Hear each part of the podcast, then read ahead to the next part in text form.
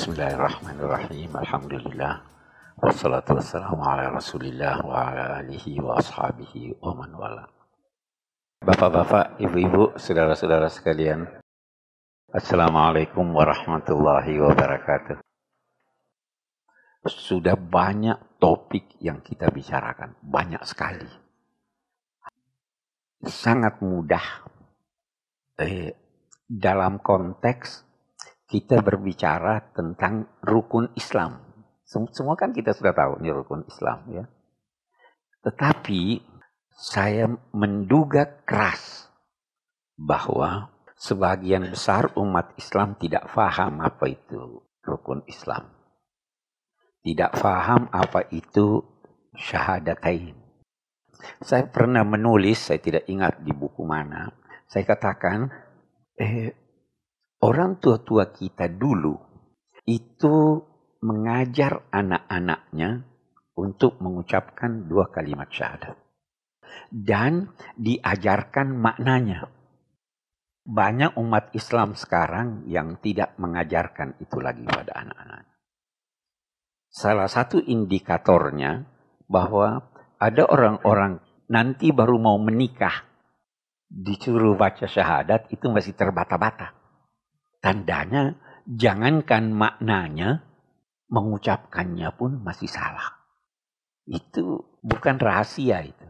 Nah, kita bisa sekarang bertanya dalam konteks kalau kita berbicara tentang rukun iman dan rukun Islam.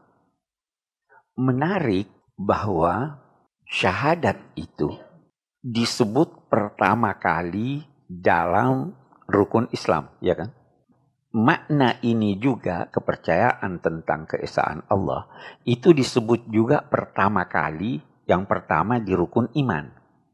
Kan rukun iman kan kamu harus percaya pada Allah. Sekarang apa yang dinamai oleh Rasul Shallallahu Alaihi Wasallam Islam dibangun atas lima perkara. Itu yang pertama yang beliau sebut adalah syahadat. Pertanyaannya, apa bedanya?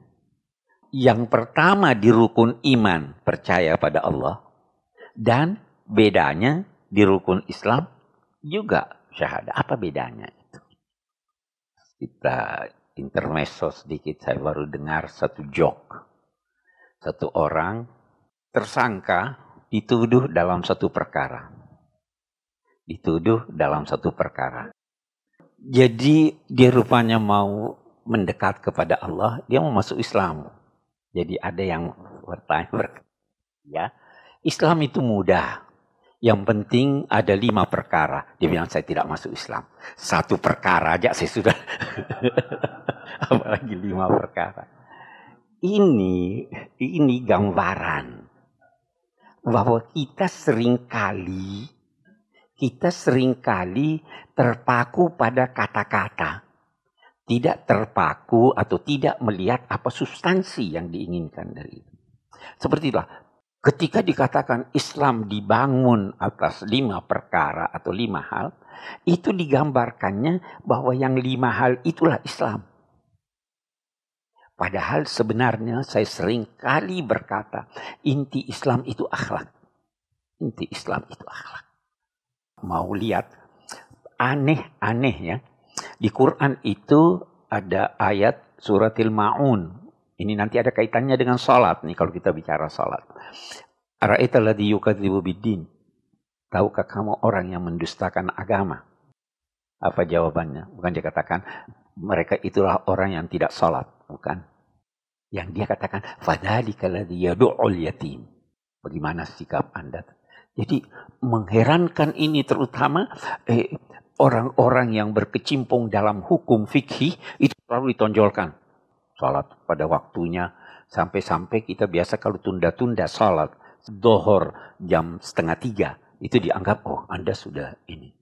Nah, saya kembali kepada perbedaan antara kepercayaan menyangkut wujud Allah dan keesaannya di rukun iman dan syahadatain. Bedanya yang satu di dalam hati, yang satu dalam ucapan dan tindakan. Anda sudah dinilai Allah percaya padanya, pada keesaannya, walaupun Anda tidak ucapkan. Ya kan? Tetapi Anda belum dikenal sebagai muslim oleh manusia, kecuali kalau Anda ucapkan syahadatain. Jadi sebenarnya ucapan syahadatain itu adalah untuk kepentingan Anda supaya Anda mendapat hak Anda sebagai muslim. Saya beri contohnya. Ada satu orang saya tidak tahu ini muslim atau bukan muslim. Ah, dia bukan muslim. Boleh disolati atau tidak? Tidak boleh.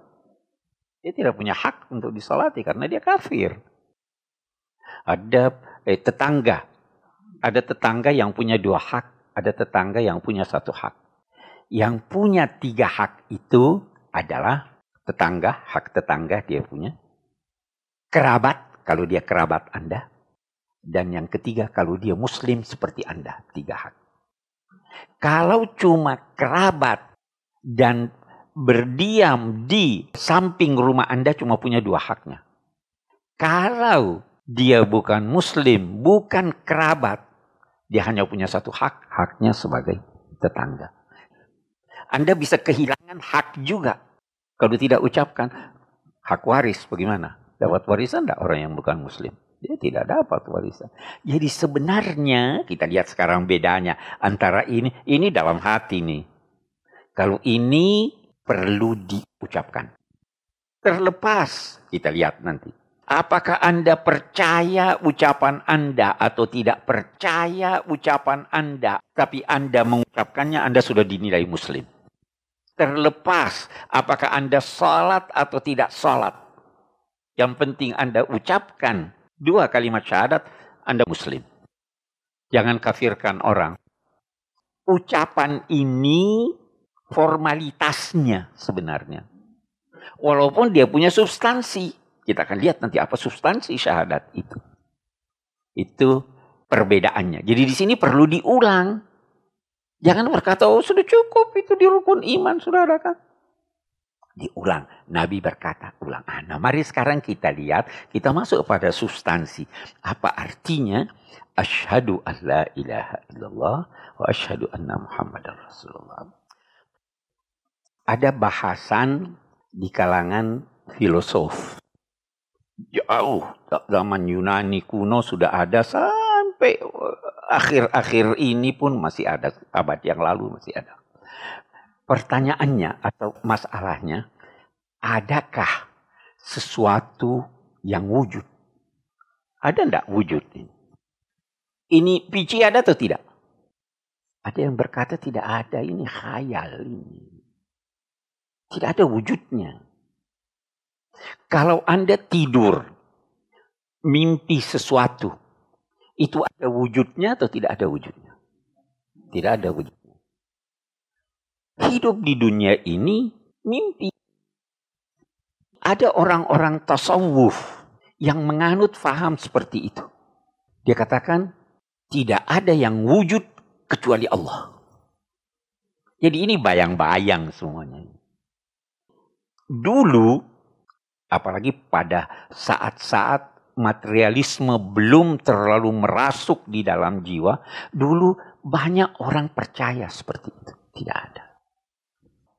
Nah, di, di kalangan filosof barat juga ada semacam ini.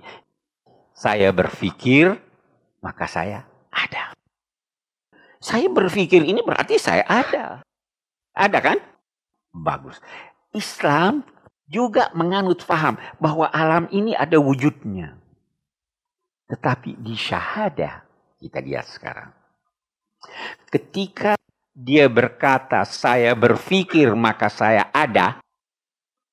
Di syahadat itu, kita berkata, "Saya bersaksi, maka saya ada, dan sekaligus ada wujud selain saya." Saya beri contohnya supaya lebih jelas. Kalau saya berkata, "Saya bersaksi bahwa tidak ada Tuhan selain Allah." kesaksian saya ini yang saya ucapkan itu tadi saya sudah katakan maksudnya biar orang lain tahu saya. Jadi berarti ketika Anda mengucapkan syahadat, Anda harus mengakui bahwa ada wujud selain Anda. Ya kan? Kita ambil contoh di pengadilan. Saya bersaksi untuk mengucapkan yang benar. Barang ini milik si A, ya kan? Saya mengucapkan kesaksian, saya sampaikan kesaksian saya kepada hakim dan kesaksian saya itu isinya bahwa barang ini milik si A. Ada tiga. Syahadat kita begitu. Saya mengakui wujud orang lain dan saya mengakui di depan dia bahwa Allah itu Maha Esa. Nah, kita lihat sekarang kita ini, kita mau lihat nih kita punya syahadat ini ini biasa terlupakan. Coba asyhadu alla ilaha illallah Anda sadar ada orang di samping Anda? Anda sadar ada wujud di samping Anda? Itu sebabnya dikatakan sebenarnya syahadatain itu mestinya mengajarkan orang untuk memelihara lingkungan. Karena kan lingkungan saya kan ada ini, ada ini, ada ini. Jangan cuma berkata, asyhadu illallah. Tuhan tidak perlu kesaksian Anda. Bahasan soal ini nanti masuk. Bagaimana itu orang yang percaya Tuhan, tapi dia tidak ucapkan kalimat syahadat. Bagaimana itu kira-kira? Ucapan kalimat syahadat itu buat manusia. Tuhan tahu. Nanti kalau kalau dalam uh, bahasan ulama-ulama lalu itu masuk ke Abu Talib. Abu Talib itu tidak ucapkan kalimat syahadat. Tetapi dia bersaksi. Syahadat buat kita. Kita mengucapkannya supaya orang lain tahu saya ini muslim loh. Saya muslim. Saya akui wujud Anda. Jadi dengan ucapan ini mengucapkan di depan orang itu Anda berkata saya muslim. Dari sini perlu langkah berikutnya. Apakah kegiatan Anda itu menunjukkan bahwa Anda muslim atau tidak? Itu persoalan lagi muncul sekarang. Jadi bukan cuma ucapan kan? Oh saya muslim. Oh Anda muslim, saya muslim. Mencuri. Muslim itu mencuri. Nah, saya muslim. Akhlak Anda bagaimana? Bagus. Anda muslim, coba lihat konsekuensinya. Jauh sekali itu syahadat konsekuensinya. Kalau itu hal yang remeh tidak perlu dimasukkan salah satu daripada. Ya kan? Karena harus mengakui orang lain, eh, saya muslim loh. Anda di pesta ada orang yang menyodorkan minuman keras. Anda jawab apa? Maaf, saya muslim. Artinya saya tidak minum ini. Nah, kita lihat lebih jauh lagi. Kita lihat bagaimana praktek hidup kita dengan syahadat kita. Nah, asyhadu alla ilaha illallah. Yang pertama dulu. Perhatikan. Kita tidak diajar untuk berkata asyhadu annallaha wahidun. Saya bersaksi bahwa Allah itu esa, bukan itu.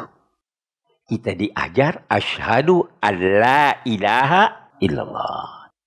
Menafikan dulu baru menetapkan. Bukan bukan cuma di kalangan eh, ulama, di kalangan orang-orang pinter pun bahwa kalau Anda ingin mencapai kebenaran, kosongkan dulu ide Anda dari segala sesuatu. Cari baru Anda temukan. Karena kalau tidak Anda menjadi subjektif. Anda dipengaruhi. Hilangkan dulu segala sesuatu, baru cari, baru temukan. Itu eh, kritik banyak ulama terhadap ulama-ulama yang lalu bahwa mereka itu pelajari Quran sudah ada ide di dalam benaknya. Sudah ada ide di dalam benaknya, dia bacain, oh dia bilang ini dia yang cocok dengan ini, ini dia yang cocok dengan ini. Hilangkan dulu itu semua. Itu kata Syekh Muhammad Abdul. Dia bilang, saya baca Quran. Jelas, tidak ada. Tidak tidak ada kesulitannya. Yang bikin berat itu karena sudah ada ide di sini. Itu ide yang ingin dibenarkan. nafikan dulu segala sesuatu. Tidak ada Tuhan. Dewa itu bukan Tuhan. Eh, nafsu bukan Tuhan. Yang Tuhan itu siapa? Cuma satu, Allah. Itu kan? Jadi menafikan dulu. Yang kedua yang kita mau lihat pada syahadah ini. Begini. Menyingkirkan yang buruk harus didahulukan dengan menetapkan yang baik. Kalau istilahnya dalam anu dalam bahasa Arab itu at-takhalli muqaddamun ala tahalli. Ha ada titiknya, ha tidak pakai titik. Takhalli itu artinya mengosongkan. Khala kosong, khali kosong. Takhalli mengosongkan, menyingkirkan. Tahalli dari huli, perhiasan, halawa, keindahan itu semua sama. Anda menyingkirkan yang buruk lebih utama daripada menghiasi diri Anda dengan yang baik. Itu lebih bagus. Tidak usah kasih orang uang. Jangan ambil haknya. Mandi lebih baik dari pakai parfum tidak mandi. Ya kan? Itu di asyhadu alla ilaha illallah.